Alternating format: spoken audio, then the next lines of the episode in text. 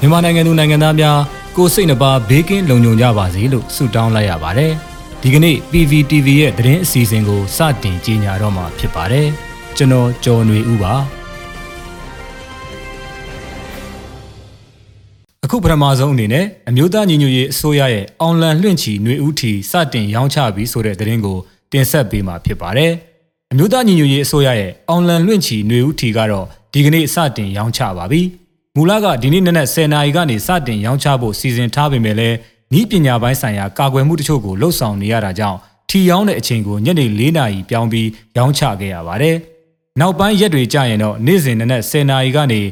10:00နာရီအထိရောင်းချပေးမယ်လို့အောင်လန်လွင့်ချီຫນွေဦးထီရဲ့တရားဝင်လူမှုကွန်ရက်စာမျက်နှာဖြစ်တဲ့ facebook.com/nuglottery ရဲ့ရေးသားချက်အရသိရှိရပါတယ်။အကြမ်းဖက်စစ်ကောင်စီဘက်က ຫນွေဦးထီထိုးတဲ့သူတွေကိုဘဏ်အကောင့်ပိတ်မယ်အရေးယူမယ်ဆိုတာတွေလုပ်မယ်လို့ကြေညာထားပေမဲ့ပြည်သူလူထုကတော့ຫນွေဦးတော်လှန်ရေးအောင်မြင်ဖို့အတွက်နီလန်ပေါင်းစုံနဲ့ NUG ကိုထောက်ခံအားပေးဖို့စိုင်းပြင်းနေကြတာကိုလူမှုကွန်ရက်တွေပေါ်မှာအသေးအချာကိုတွေ့နေရပါတယ်။တော်လှန်ရေးရန်ပုံငွေဆိုတဲ့အသည့်ကြောင့်ပြည်သူတွေအားလုံးကຫນွေဦးထီကိုပဲအားပေးနေကြတာပါ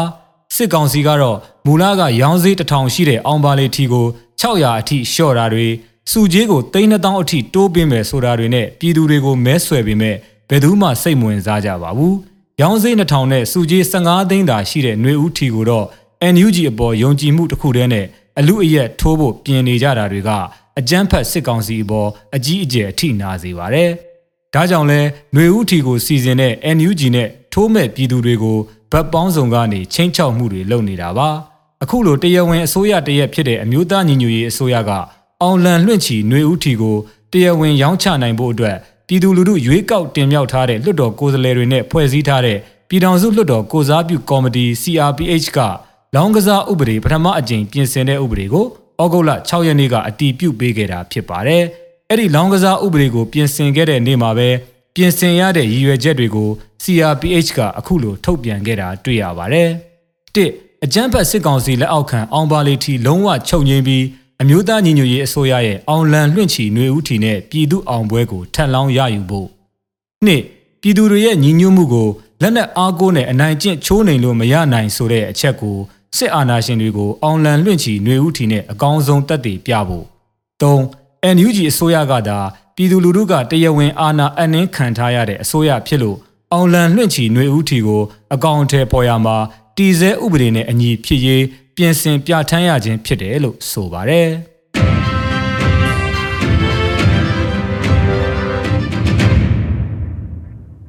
အမျိုးသားညီညွတ်ရေးအစိုးရပညာရေးဝန်ကြီးဌာနကစီစဉ်တဲ့နေအိမ်အခြေပြုတင်ယူခြင်းအစီအစဉ်အတွက်စည်ရင်ပေးသွင်းနိုင်ပြီဆိုတဲ့သတင်းကိုဆက်လက်တင်ဆက်ပေးမှာဖြစ်ပါတယ်။အမျိုးသားညီညွတ်ရေးအစိုးရရဲ့ဝန်ကြီးဌာနအသီးသီးဟာတော်လှန်ရေးကာလဖြစ်တာကြောင့် စီမံဆောင်ရွက်မှုကိစ္စရပ်တွေကိုအပြည့်အဝတာဝန်ယူဆောင်ရွက်နိုင်ခြင်းမရှိသေးပေမဲ့ပြည်သူလူထုရဲ့အကျိုးစီးပွားကိုရှေ့ရှုပြီးအကောင်းဆုံးစ조사ဆောင်ရွက်လျက်ရှိရာပညာရေးဝန်ကြီးဌာနကစီစဉ်တဲ့အခြေခံပညာအဆင့်နေအိမ်အခြေပြုသင်ယူခြင်း home based learning အစီအစဉ်ကိုစတင်နေပြီလို့သိရပါတယ် home based learning အစီအစဉ်မှာတင်ယူလိုတဲ့ကျောင်းသားတွေရဲ့မိဘအုပ်ထိန်းသူတွေအနေနဲ့စရင်ပေးသွင်းနိုင်တဲ့အကြောင်း NUG ပညာရေးဝန်ကြီးဌာနကသတင်းထုတ်ပြန်လိုက်တာပါ ဒီလိုစရင်ကောက်ယူတာကပညာရေးဝန်ကြီးဌာနအနေနဲ့ရှေ့ဆက်သွားမယ့်ဤပညာရဲ့ကိစ္စတွေမှာအသုံးပြုနိုင်ဖို့လို့ဆိုပါတယ်အင်တာနက်မရရှိတဲ့ data တွေအတွက်လည်းစာသင်ကြားနိုင်ရေးအတွက်အခြားသောနည်းလမ်းတွေနဲ့လှုပ်ဆောင်နေပြီလို့သတင်းထုတ်ပြန်ချက်မှာဖော်ပြထားပါတယ်အင်တာနက်မရရှိတဲ့ data တွေကိုလည်း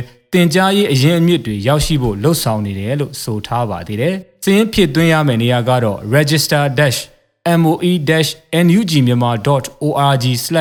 register-moe-myanmar.org/basic-form ဖြစ်ပါတယ်။အမျိုးသားညီညွတ်ရေးအစိုးရပညာရေးဝန်ကြီးဌာနကနေပြီးထုတ်လွှင့်မဲ့အခြေခံပညာအဆင့်နေအိမ်အခြေပြုတင် जा ခြင်းသင်ခန်းစာကိုကလေးအားလုံးသင်ယူခွင့်ရရှိစေရေးအတွက်မြည်သူမဆိုဝင်ရောက်လေ့လာနိုင်ဖို့စီစဉ်ထားတယ်လို့ဆိုပါတယ်။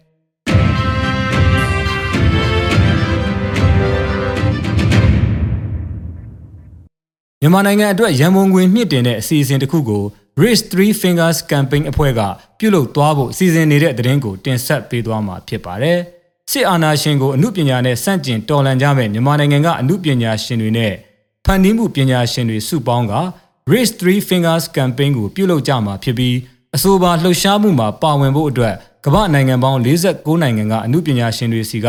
အဆိုပြုလွှာ1600ကျော်ရရှိထားပြီးဖြစ်တယ်လို့သိရပါတယ်။ရန်ကုန်ငွေမြင့်တင်ပွဲအစီအစဉ်ကိုဩဂုတ်လ22ရက်နေ့ ပြည်ထိုင်နိုင်ငံလန်ဒန်မြို့ Marlborough Sports Garden မှာပြုလုပ်သွားမှာပါ။တနေ့တာအစီအစဉ်တွေထဲမှာတော့အမှုပညာတင်ဆက်မှုတွေ၊စကားဝိုင်းတွေ၊ဂီတပွဲတွေ၊အစားအသောက်ပွဲတွေအပြင်အဝတ်အထည်နဲ့လက်မှုပစ္စည်းဈေးရောင်းပွဲတွေလည်းပါဝင်မှာဖြစ်ပြီးကလေးငယ်တွေအတွက်အစီအစဉ်တွေလည်းပါဝင်တယ်လို့သိရပါဗျ။အဆိုပါပွဲကိုလူတိုင်းအခမဲ့တက်ရောက်နိုင်ပြီးမြန်မာနိုင်ငံကိုကူညီထောက်ပံ့ဖို့ရန်ပုံငွေတွေလှူဒန်းနိုင်တယ်လို့ဖိတ်ခေါ်ထားတာကိုတွေ့ရပါတယ်။